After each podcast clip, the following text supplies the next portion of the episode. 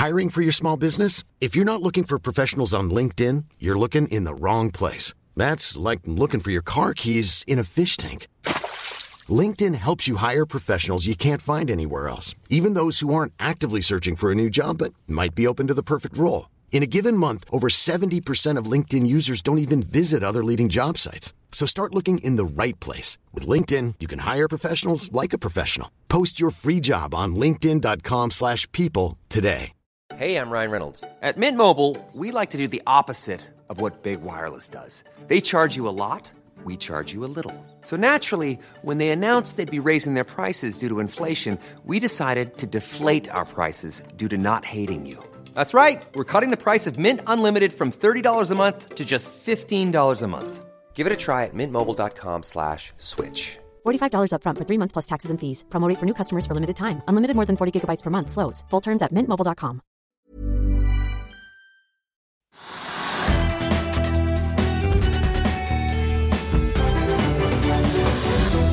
Riktig god fredag alle sammen, og velkommen til Økonominyhetene på denne gudskjelov-dagen 15.12. Børspilene fortsetter å peke oppover etter rentemøtene denne uken. Krigen om Solstad offshore fortsetter, og nå mener Kjell Inge Røkke motstanderne setter refinansieringen i fare. Nordea får grønt lys til å kjøpe Danske Banks privatkundevirksomhet, og rektoren på NTNU går på dagen etter kjernekraftsaken. I dagens sending skal vi også snakke om oljenæringen og hva som skjer med Norges største gassfunn som bytter eiere. Sparebanken1 Markets Theodor Sven Nilsen er vår gjest eh, straks. På FA.no så kan du også lese om nyheten fra det store investeringsselskapet Ferd i dag. Johan O. Andresen overlater nemlig kontrollen etter hvert av Ferd eh, A-aksjen han sitter på, som kontrollerer eh, konglomeratet til en stiftelse, og ikke de to eh, døtrene hans som tidligere har fått overført det meste av verdien i form av B-aksjer. Ellers så tenkte jeg også vi må ta en liten titt på nøkkeltallene i markedet nå. Jeg nevnte jo oppgangen på børsene. Hovedindeksen her hjemme endte jo i går opp drøye prosenten, og vi ligger opp litt over 0,3 til i dag, og ser ut til å da solid ha plassert oss over 1300-poengsgrensen eh, nå ved ukeslutt. Oljeprisen er opp eh, nå til så vidt over 77 dollar fatet, opp eh, nesten 0,7 prosentpoeng nå i spotmarkedet, etter at vi så en bunn helt ned på 72-tallet så sent som på onsdag. Så får vi se om vi ser 80-tallet igjen da. Det har vi jo da ikke sett siden 1.12. Rundt oss i Europa så er det grønt på alle børsene, egentlig, med unntak av i London. Og Wall Street steg jo saftig både onsdag og også litt til i går etter rentemøtet i Federal Reserve på onsdag kveld. Futuresene peker mot en positiv start eh, også i USA da på ukens siste børsdag. Merk også den kraftige børsoppgangen vi så i Kina tidligere i dag. Den kom da på bakgrunn av sterke og overraskende sterke tall for, si, for industriproduksjonen i november, selv om handelstallene var litt svakere enn ventet. Kongsberg Gruppen stiger 2,4 i dag etter nyheten om at de har sikret seg en avtale om å selge NSM-missiler til Spania, like etter at de altså landet en milliardkontrakt med Litauen for levering av luftvern. Og så er det jo ikke så ofte vi snakker om hva som skjer i akademia, men i dag må vi nesten eh, snakke om det spektakulære som har skjedd på universitetet, som har utdannet mange av dere som eh, hører og ser på, og mange av de skarpe hodene vi har her i landet. Det har nemlig vært et ekstraordinært styremøte på NTNU i dag, og rektor Anne Borg har jo gått offentlig, til offentlig refs på to av sine egne forskere, inkludert Martin Hjelmeland, som vi hadde med oss i kjernekraftdebatten her nylig. Så har det jo vist seg da at rektoren ikke bare var i dialog med NHO og norsk industridirektør Knut Sunde, men Universitas avslørte også at rektoren hadde sendt leserinnlegget der hun refser de to forskerne i DN til nettopp Norsk Industri for gjennomlesning, med spørsmål om hun gikk langt nok i å irettesette sine egne, noe Knut Sunde kvitterte ut. Dette har satt sinnene i kok, og nå går altså rektor Borg av på dagen. Veritas-sjef Remi Eriksen, som er styreleder ved NTNU, sa i dag på vegne av styret at innlegget er kritikkverdig, at det er kritikkverdig at man offentlig irettesetter egne ansatte, og at kontakten med NHO og norsk industri kan skape uklarhet om NTNUs uavhengighet. Han sa til sitat sitatet at studenter og ansatte skal oppleve at de har full ytringsfrihet ved NTNU, og styret der oppe ber nå om at alle relevante samarbeidsavtaler med eksterne organisasjoner og næringslivet gjennomgås for å sikre akademisk ytringsfrihet og NTNUs uavhengighet. og Styret ber også om at uh, universitetet nå utarbeider en utredning for hvordan de skal følge opp dette såkalte Kierulf-utvalget sine konklusjoner om ytringsfrihet i akademia. Krigen mellom Christian, Kristen Sveaas og Kjell Inge Røkke om Solstad Offshore har tatt stadig nye vendinger, også i dag. Konflikten begynte jo etter at Sveaas eh, akkurat hadde kjøpt opp aksjer da Solstad Offshore annonserte en stor refinansiering med Aker, DNB og statlig Eksfinn på laget, uten at Kistefos til Sveaas var involvert. Krangelen handler bl.a. om at eh, skip skal flyttes over i et nytt selskap, og kritikerne mener at Røkke og Aker stikker av med store verdier. Det nye nå er at Aker har kjøpt ytterligere aksjer i Solstad Offshore for 400 millioner ca., som sikrer dem en tredel av eierskapet, til da kurs litt over 48 kroner. Aksjen ligger i dag på snaue 41, opp 15 Også verdt å merke seg at American Shipping Company stiger 10 i dag. Selskapet skal da stille med ett skip inn til Solstad Offshore for Aker aksjer i Solstad i eh, retur. Den vanligvis eh, mediesky Røkke er i dag ute i en felles uttalelse sammen med Aker-sjef Øyvind Eriksen. og De sier sitat Aker har kjøpt aksjer for å sikre gjennomføringen av refinansieringen til det beste for Solstad Offshore, aksjonærene, långivere og selskapets 2500 ansatte. Vi registrerer at enkelte aksjonærer har satt refinansieringen i fare. Sitat eh, slutt. Kristen Sveaas er nå ute i ettermiddag og kontrer med sitat dette handler om hva som er rett og galt galt. Og han sier at de fortsatt ikke har fått noe svar på hvorfor ikke alle aksjonærene får delta pro rata i refinansieringen.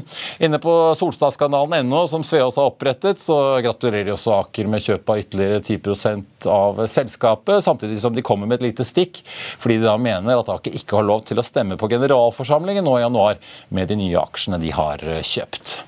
Og I morges hadde vi besøk av Jesper Schong fra Fanley Offshore Supply, som ikke vil mene noe om eierfordelingen mellom Røkke og Sveås, men han hadde noen interessante poeng om kapitalbehovet til Solstad og hva som skjer hvis refinansieringen nå sklir ut. Her er et lite utdrag igjen, ikke for å gå inn på konflikten, men uh, det, som er, være, men, men det som er viktig, er jo at Hvis de, hvis de ikke lander en restrukturering yes. de har jo forfall Solstad i 2024 yes. om ikke så veldig mm. lenge. Mm. Er det sånn at uh, Mons også, Svein Garidoff Doff og alle de andre kan sitte og le hele veien inn i juleferien hvis, hvis disse Sveås og Røkke fortsetter å krangle og denne restruktureringen drar ut i tid? Ja, for kan jo, Da kan jo de fokusere på det de skal. De kan bevege seg framover. Og det som er viktig for om det blir det ene eller det andre, så, så må man uansett ha en løsning på bordet. Og den løsningen for selskapet Solstad, det er det som er viktig uh, for oss, da. Uh, den må være minnelig. Uh, og det, det, det, er det vi må. Så den løsningen som ligger på bordet, den fremstår som, som veldig god for selskapet Solstad. Også fordi de krangler om alternativene. Men det viktigste må være ja. en god løsning for selskapet. Ja, for de får inn hver det, 4 milliarder i ny egenkapital. Mm. Så det er jo, ja. Og nå går markedet og nå går markedet for den type båter som Solstad da retter sitt fokus på. Ankerhåndtering, eh, konstruksjonsmarkedet. Det kommer til å eh, trenge enorme fartøysbehov. Det er helt eh, vanvittig store utbygginger som skjer nå framover. Veldig mye av den eh, produksjonskapasiteten som kommer offshore nå, den er hovedsakelig hovedsakelig da eh, fra flytende produksjonsinnretninger. så all den, Alle stigerørene som skal installeres, all oppankring og kjettinger og den type ting, det kommer til å kreve veldig mye. Så her er du muligheten til å gå inn i en supersyklus, og så må du gjøre det på, på en, med, med, god balanse i, i bånn. Ja, men for Solstads del, hvis man glemmer krangling om eierandeler, så bør de bare få banket gjennom denne pakken på en eller annen mm. måte. Og det forfallet kommer. Det forfallet kommer. Uh,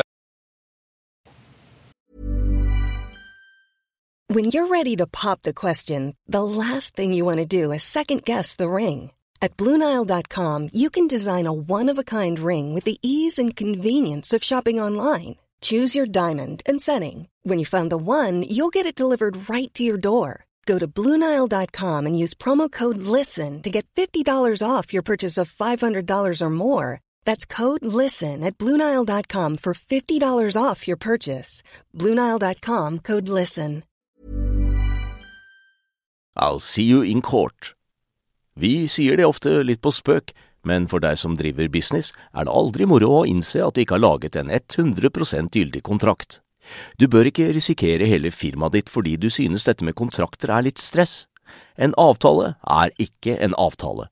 Du kan miste kunder, miste venner, ja, til og med miste inntekter om du ikke lager en skikkelig kontrakt, på alt mulig, egentlig. Men vi vet det er et styr, kopimaskiner, treg printer og haugevis av papir. Dessuten stoler vi jo på folk her i landet. Det er ofte litt kleint å skulle be om en signatur for alt mulig, ja, for mye av styret handler også om jakten på underskriften. Det finnes en enkel måte å løse dette på, Dukkobit, en trygg, effektiv og get this, gratis måte å sikre seg en god natts søvn pluss en juridisk bindende avtale. Dukkobit-appen har de strengeste sikkerhetskrav i bunn, samt en EU-godkjent og sertifisert teknologi. Framover vil det bli behagelig å spørre du, skal vi skrive under på det, eller? Kom i gang på dukkobit.no.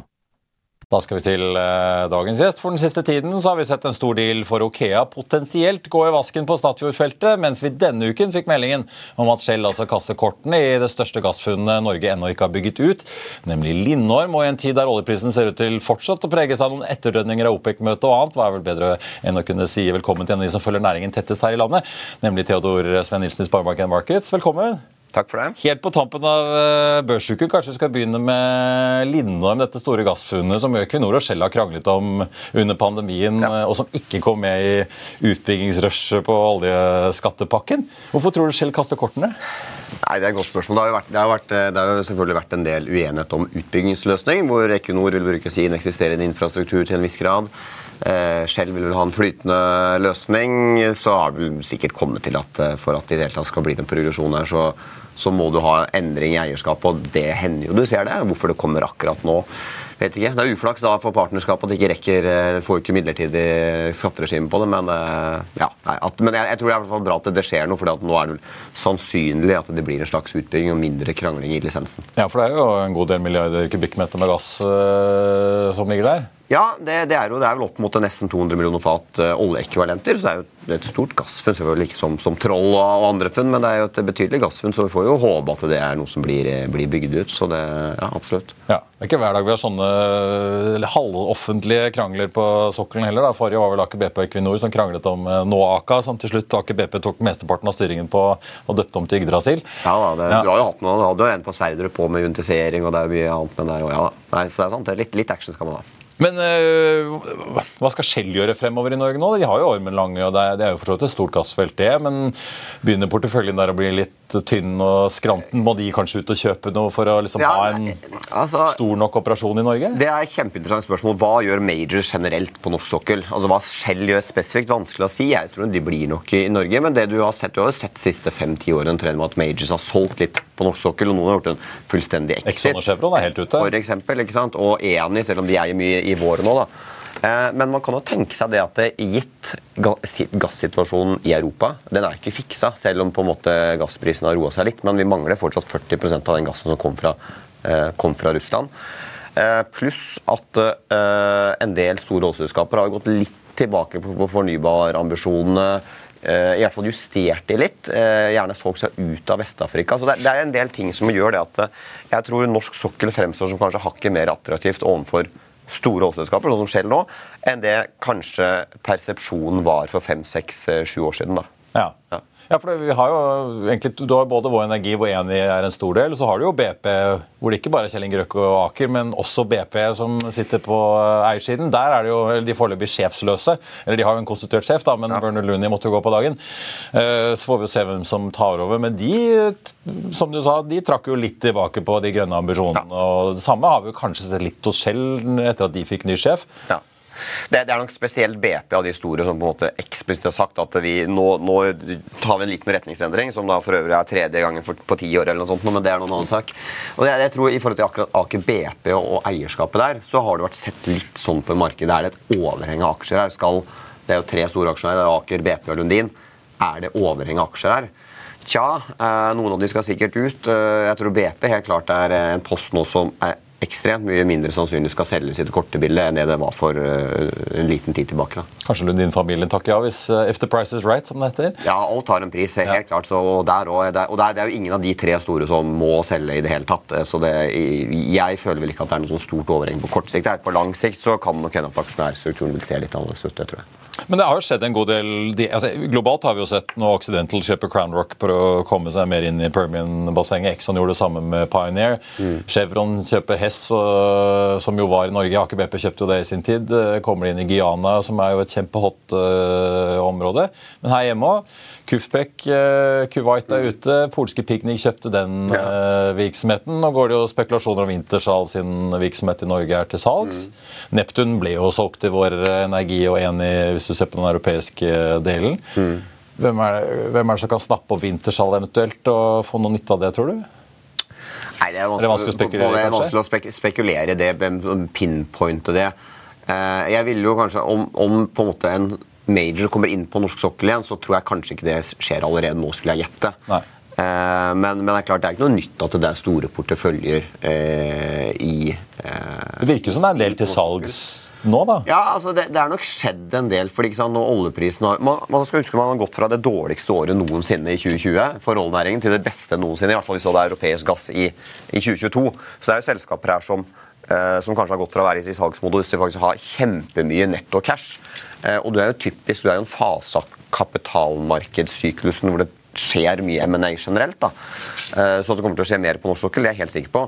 Og så vet man da at det er jo, det er jo et til tross for at det har vært litt skatteendringer, og til tross for uh, fiskeskatten, selvfølgelig, som også påvirker utlendingers syn på norsk sokkel, så er jo norsk sokkel er jo fortsatt ansett for å være veldig stabil.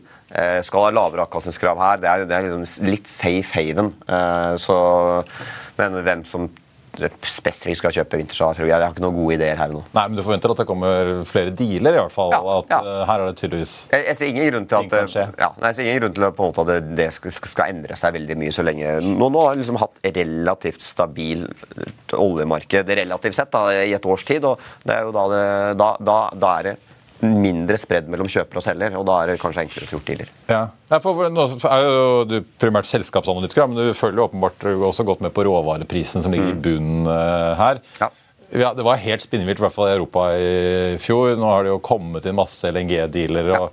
Både fra USA og europeerne løper jo til Qatar og kjøper masse LNG i mange tiår fremover. og Man prøver vel å sementere en slags tilbudsside her, men det gjør vel at gassprisen i Europa varig blir høyere sånn underliggende, da, for at, eh, hvorfor skal Norge selge Ja. rødgass billigere enn det alternativet er eh, hvis Ja, du skal nei, få inn skip? Det her kunne vi snakka om i mange uker, tror jeg. Men bare veldig kort vårt syn på det. det er det at eh, Jeg er helt enig. Gassmarkedet i Europa det er ikke normalisert nå. Det kommer ikke til å være normalisert på en god stund. Og det er pga. at eh, tidligere så kom 40% av gassen i Europa fra Russland. Den er der ikke lenger. Det må man kjøpe inn med stort sett LNG fra andre steder i verden. Europa har ikke nok regasskapasitet altså kunne eh, til å tine opp LNG-en til å erstatte et fullt Russland før i 2025. Men det er ikke så lenge til. Og Så må du få den gassen fra et sted, eh, og da vil det gjerne eh, bli å overby asiatiske kjøpere. Så vi jo tror jo på fra nå fram til sånn 25, 26, 27 en gang, kanskje 28, så vil den relevante prisen for europeisk gass, eller prissetteren, vil være asiatisk LNG. Etter det så skjer det noe. Og det er det at USA vil ha bygget opp såpass mye eksportgasskapasitet til å erstatte de 40% som vi i Europa har mista fra Russland. Og da kan det godt hende at prisingsbildet blir litt annerledes igjen. Så, så vi tror liksom på altså For å ta konkrete tall, da.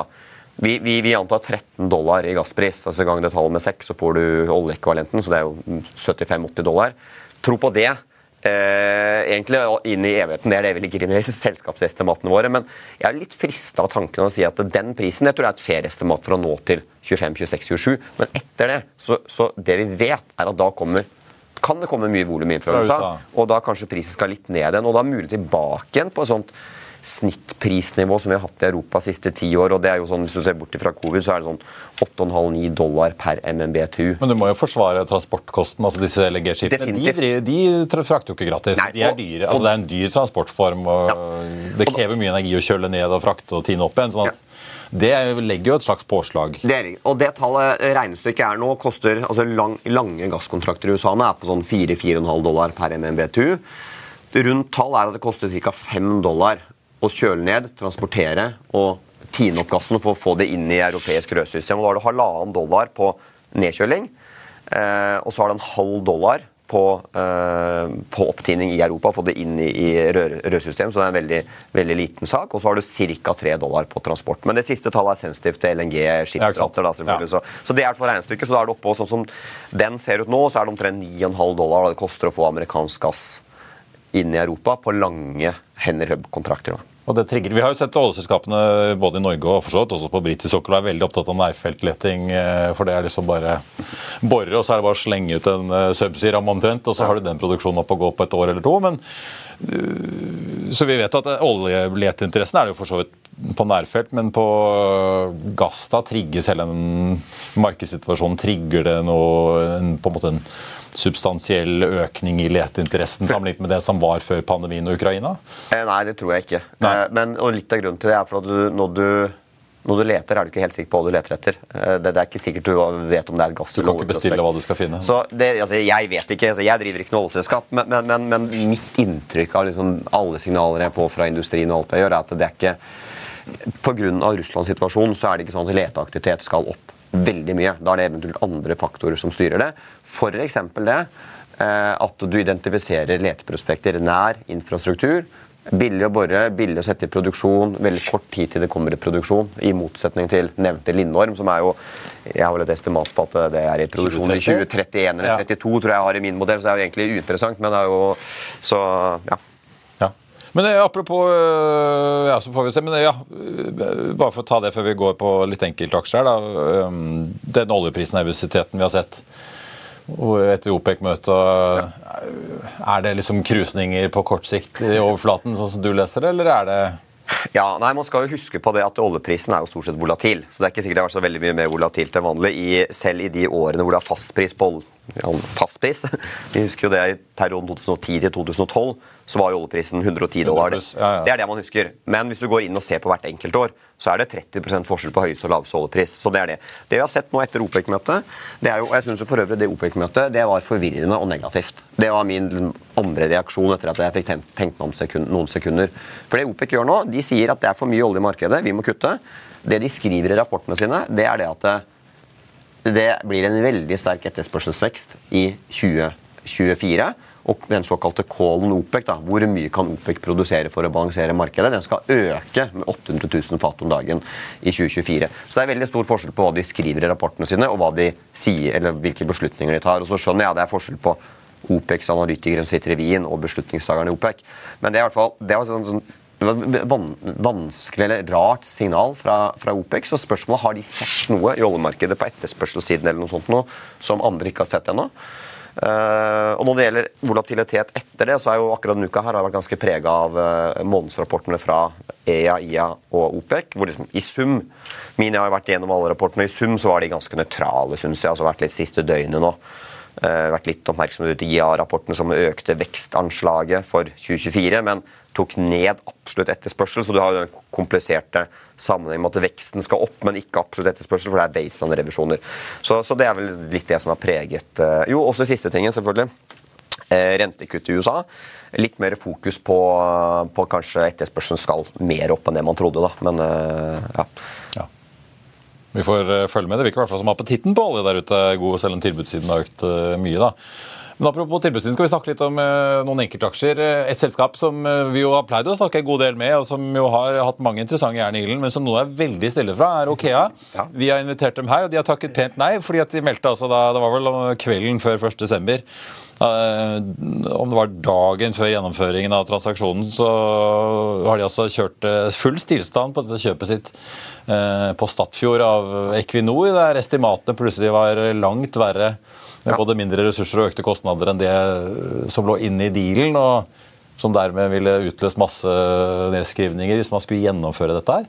Ja. Hvor, eh, jeg så jo, Du tok vel ned Okea med en femkroning omtrent. Mm. Hvor, eh, hvor mye mer kan det gå altså kan det gå mye mer hvis dette går i vasken? Altså for Det første, det der er jo en veldig lei situasjon for, for Okea. Det er, jo, det er jo sjelden du ser dealer på norsk sokkel hvor det liksom har så stor endring i ressursestimatet fra en avtale er signert til den er closa. Eh, så, så det her er jo det er en veldig kjedelig situasjon for Okea. Statfjord ligger jo an til å Det vil bli det viktigste feltet i Statfjord sin portefølje med veldig god margin. Det er Okea sin portefølje. Okea, Okea, beklager. Eh, også etter reservenedskrivningen.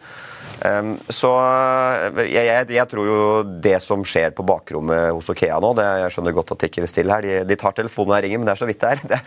Det er de, de, de, bruker nok all sin tid på å, å, å forhandle med Equinor nå, få redusert prisen, eventuelt terminert kjøpet. Jeg vet ikke, det er jo jeg, jeg tror vel dessverre liksom, Hadde jeg vært aksjonær, hadde jeg ikke hatt for store forhåpninger om at man får redusert eh, prisen. Eh, det, det ligger i kursen allerede at man ikke får redusert prisen nå. Så da vi tok ned kursmålet med fem kroner, så er det som om at ok, greit, det, de må betale den prisen som er avtalt. Ja. Eh, reservene er ned så mye, og produksjonskostnaden per enhet kommer til å komme opp eh, så mye. og det, det, ligger i kursen, og kanskje mer enn det. Ja, For du ligger på 50 kroner nå. Da. Den uh, har jo falt en sånn 15 omtrent ned til så vidt under 30 ja. siden før den så, nyheten ble kjent. da, ja. ja. Så, det, det, det, det, er jo en oppside fortsatt på ja, dine estimater. Ja, absolutt. Så Det som har skjedd, er at du fikk en umiddelbar reaksjon de første par dagene, par, dagene liksom, det, var verdien av den dårlige nyheten. Og så tror jeg vel, det er jo store diskusjonstema er jo hva har Okea, Er det et tegn på at Okea sin forretningsmodell om late life, late life champion NCS er den i ferd med å forsvinne? Eh, jeg, jeg, tror det er litt det som diskonteres i nå. Mitt syn på det er at det, det er ikke riktig. Det er jo helt klart For tidlig å konkludere Det er altfor tidlig å konkludere. Ja. ja. nei, absolutt ikke. Så vi liker Okea kjempegodt. og De har relativt bra track record. Nå, nå er det klart, det kjøpet på Statfjord det det var en ripe i lakken, det er ikke tvil om det. Eh, hva som har skjedd på bakrommet i forkant, og vi vet at reserven ble tatt opp i forkant. Det er vanskelig å spekulere hva som egentlig har skjedd der, men, men vi mener at på norsk sokkel er det helt klart rom for den type aktører som, som tar eh, halvproduksjon, produksjon med gjerne høy operasjonell kostnad per fat, som er ikke populært hos alle aktørene. Kanskje felt som har høye utslipp, hvor du må gjøre noe for å få ned utslippene. At det, det er absolutt rom for en aktør som tar tak i den type felt. Ja. ja. Altså, forrige store kjøpet deres var vel Draugen og, og Også Wintershall kjøpte Wintershall-porteføljen. Ja, de fikk jo med Gjøa og Brage og greier. Ja.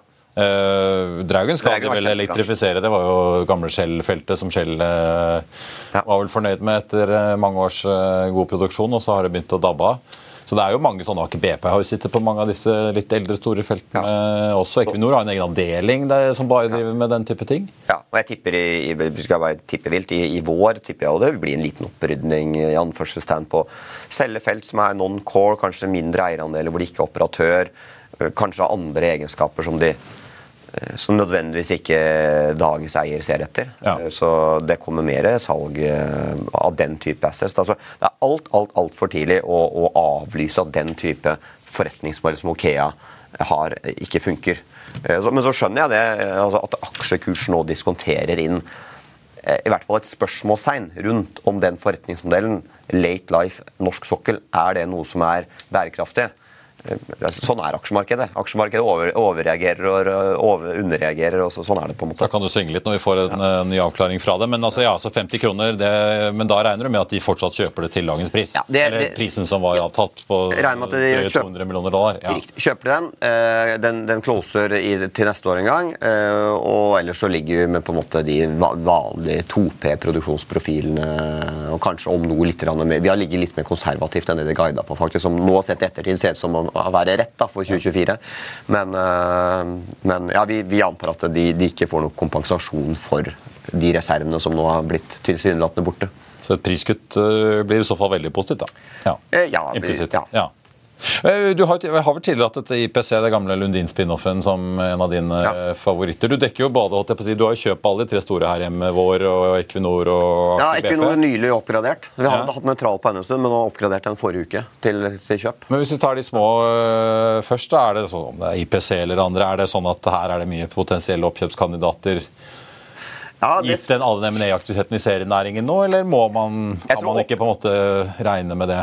Eh, jo, det er alltid oppkjøpskandidater blant de små. Jeg tror Det du må se litt på, er jo da de selskaper som opplagt er billige, kanskje hvor det er et eller annet feil med dagens aksjonærstruktur, eh, altså strategi, feil med nødvendigvis ikke asset-typer, men eh, gå gjennom en sånn liste hva, hva på en måte er det som er mulig å gjøre for en kjøper her. Eh, jeg tror eh, IPC er nok ikke et sånt selskap som du refererte. IPC er jo et av verdens mest veldrevne oljeselskaper i mitt, eh, i mitt hode. Fantastisk track record. Er det én aksje du skal eie i ti år, så er det den.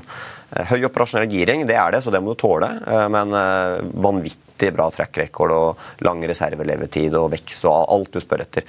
Men det er jo klart, det er jo en del av de andre som typer, altså oppkjøpskandidater som kanskje sitter på en del assets som enten er lavt prisa, eller at selskapet selv ikke har noen stor organisasjon som kan operere assets. Eh, de fins helt, helt, klart i mitt dekningsunivers, så det ja. Nok å følge med på. Men disse tre store, da, der har du en litt mer spredning på eiendeler og mm. litt mindre operasjonell ja. giringsrisiko. Eh, mange av de har jo gitt en ganske pen direkteavkastning, også tosifret prosent hvis du har sett på Equinor og disse til tider. Ja. Er det fortsatt det som er bildet at uh... Ja, nei, ja, Du har tosifra av uh, direkteavkastning på Equinor uh, vår, men ikke på Aker BP, sånn som ja. det er nå. Uh, utbytte det kommer til å være forbli en veldig viktig del av på en måte investeringscaset for, for, de tre selskapene. Helt overbevist. og av de tre selskapene så er det kanskje vår som er aller tydeligst på at uh, utbytte det skal være høyt. Det skal være forutsigbart. Man skal kunne regne på det selv. Uh, det skal ikke være noe altså, i, i, mindre grad så skal det være en hemmelig prosess på styrerommet. At man, alt, alle kort ligger åpne. Og så er nok Aker BP og Equinor litt, litt annerledes, kanskje litt mer tradisjonelle sånn sett. At uh, antyder at uh, utbyttet skal opp over tid uten å gi noen veldig klare guiding. Aker BP har gitt noen guiding på hvordan man skal tenke rundt det, da, men, men, ikke like klart som vår, hvor det er en prosentandel av operasjonell cashflow, og sånn kommer det til å være. Mm. Og Da skjønner man jo det, at da vil også utbyttet variere med oljepris. Det er syklisk. Um, så, så, det er litt sånn, Selv om det er veldig klart og tydelig hva vår vil med utbytte, så må man også være klar at der bør du antagelig kunne tåle Blir det 60 dollar fattet plutselig, så, så skal utbyttet ned. Kommer det ned. Ja. ja. Og det er nok ikke 110% sikkert skje på Aker BP. Det kan godt hende de opprettholder utbyttet. Og Der får vi kanskje noen signaler både fra Aker BP og Equinor på nyåret med Q4 og kapitalmarkedsdager og det som er? Ja. Garantert 7.2. Det er kapitalmarkedsdag for Equinor. Det blir viktig, viktig dag for de. Jeg pleier for øvrig aksjene å gå ganske bra i forkant og rett i etterkant, så det er kortsiktig, verdt, verdt kortsiktig trading i det for starten av februar. Og så er det veldig mange som kommer til å følge med på hva de sier på fornybar òg, ja. tror jeg, etter at de la fornybar, i hvert fall Trollvin, i skuffen og ja. har gjort en del grep, nedskrivninger i USA og ja, det er, det, det, det er, noe vi kunne snakka om veldig lenge. Da, men der er jo, det de har sagt, er at de skal ha en produksjonskapasitet på 12-16 gigawatt i, i 2030. Og en tilsvarende produksjon da, på 35-60 TWh. Ikke noe av det når de, sånn som verden ser ut nå. Nei. De må kjøpe mer. Og og bildet blir enda verre med at de skraper eh, de USA-prosjektene, som er jo fornuftig bedriftsøkonomisk, for all del. Jo, de har vel ikke offisielt tatt noen beslutning på det, men det ligger jo veldig i kortene at eh, det der blir ikke noe. De betaler en termineringsfi og ferdig med det. Kanskje de blir med en ny lisensrunde der. Men de vil ikke. Det er Jeg tror det er et tidsspørsmål før de må redusere eller justere fornybarmålene sine. I hvert, kanskje ikke kapasitetsmålet eh, på 12-16, men produksjonsmålet på 35-60. Det syns jeg ser tøft ut. Mm.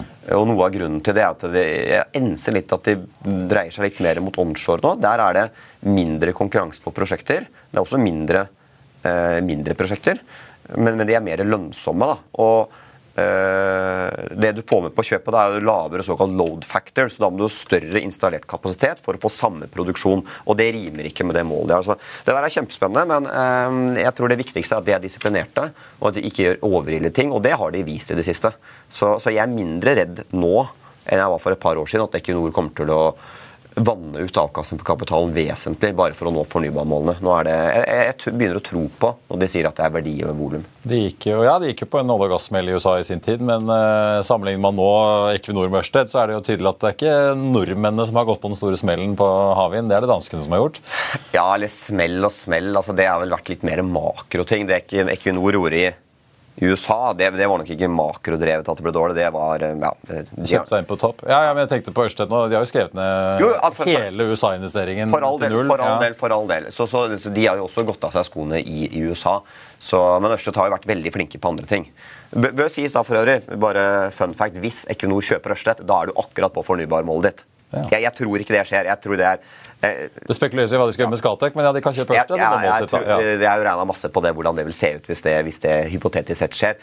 Eh, det at det danske staten eier 50% i Ørsted, tror jeg gjør at det blir vanskelig.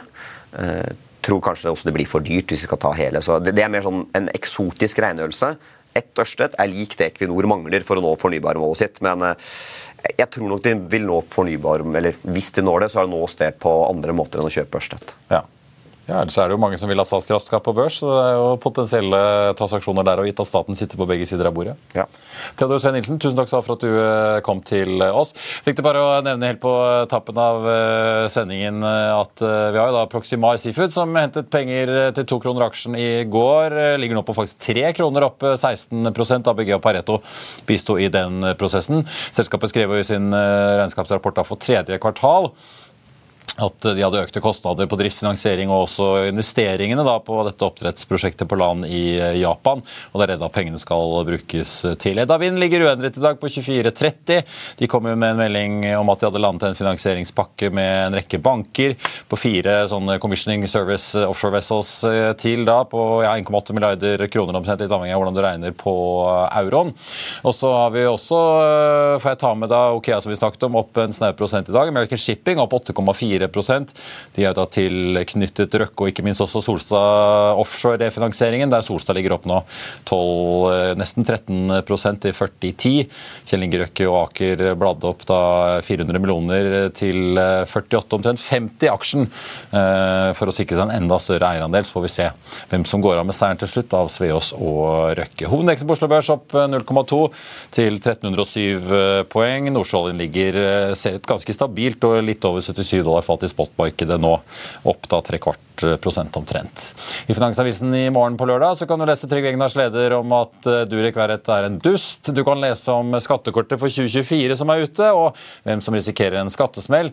Så blir det profilintervju med eiendomsprofilen Terje Tinnåt, samt selvfølgelig masse bilvin og annet helgestoff, inkludert uh, test hos FR Motor av Tesla Model Y og BMWs elektriske iX1. Og så blir det flere detaljer om Porsches neste elbil, som Håkon har vært og sett på nede i Leipzig, nemlig kompakt kompakt-SUV-en Macan, som kommer i elektrisk variant om ikke så veldig lenge.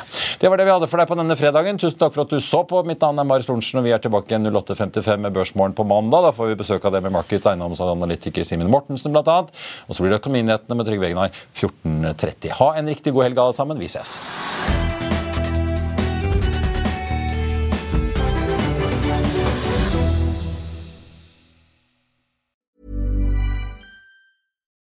When you need mealtime inspiration, it's worth shopping Kroger, where you'll find over 30,000 mouthwatering choices that excite your inner foodie. And no matter what tasty choice you make, you'll enjoy our everyday low prices, plus extra ways to save, like digital coupons worth over $600 each week. You can also save up to $1 off per gallon at the pump with fuel points. More savings and more inspiring flavors make shopping Kroger worth it every time. Kroger, fresh for everyone. Fuel restrictions apply. Økonominyhetene er en podkast fra Finansavisen. Programledere er Marius Lorentzen, Stein Ove Haugen og Benedikte Storm Bamvik. Produsenter er Lars Brenden Skram og Bashar Johar. Og ansvarlig redaktør er Trygve Hegnar.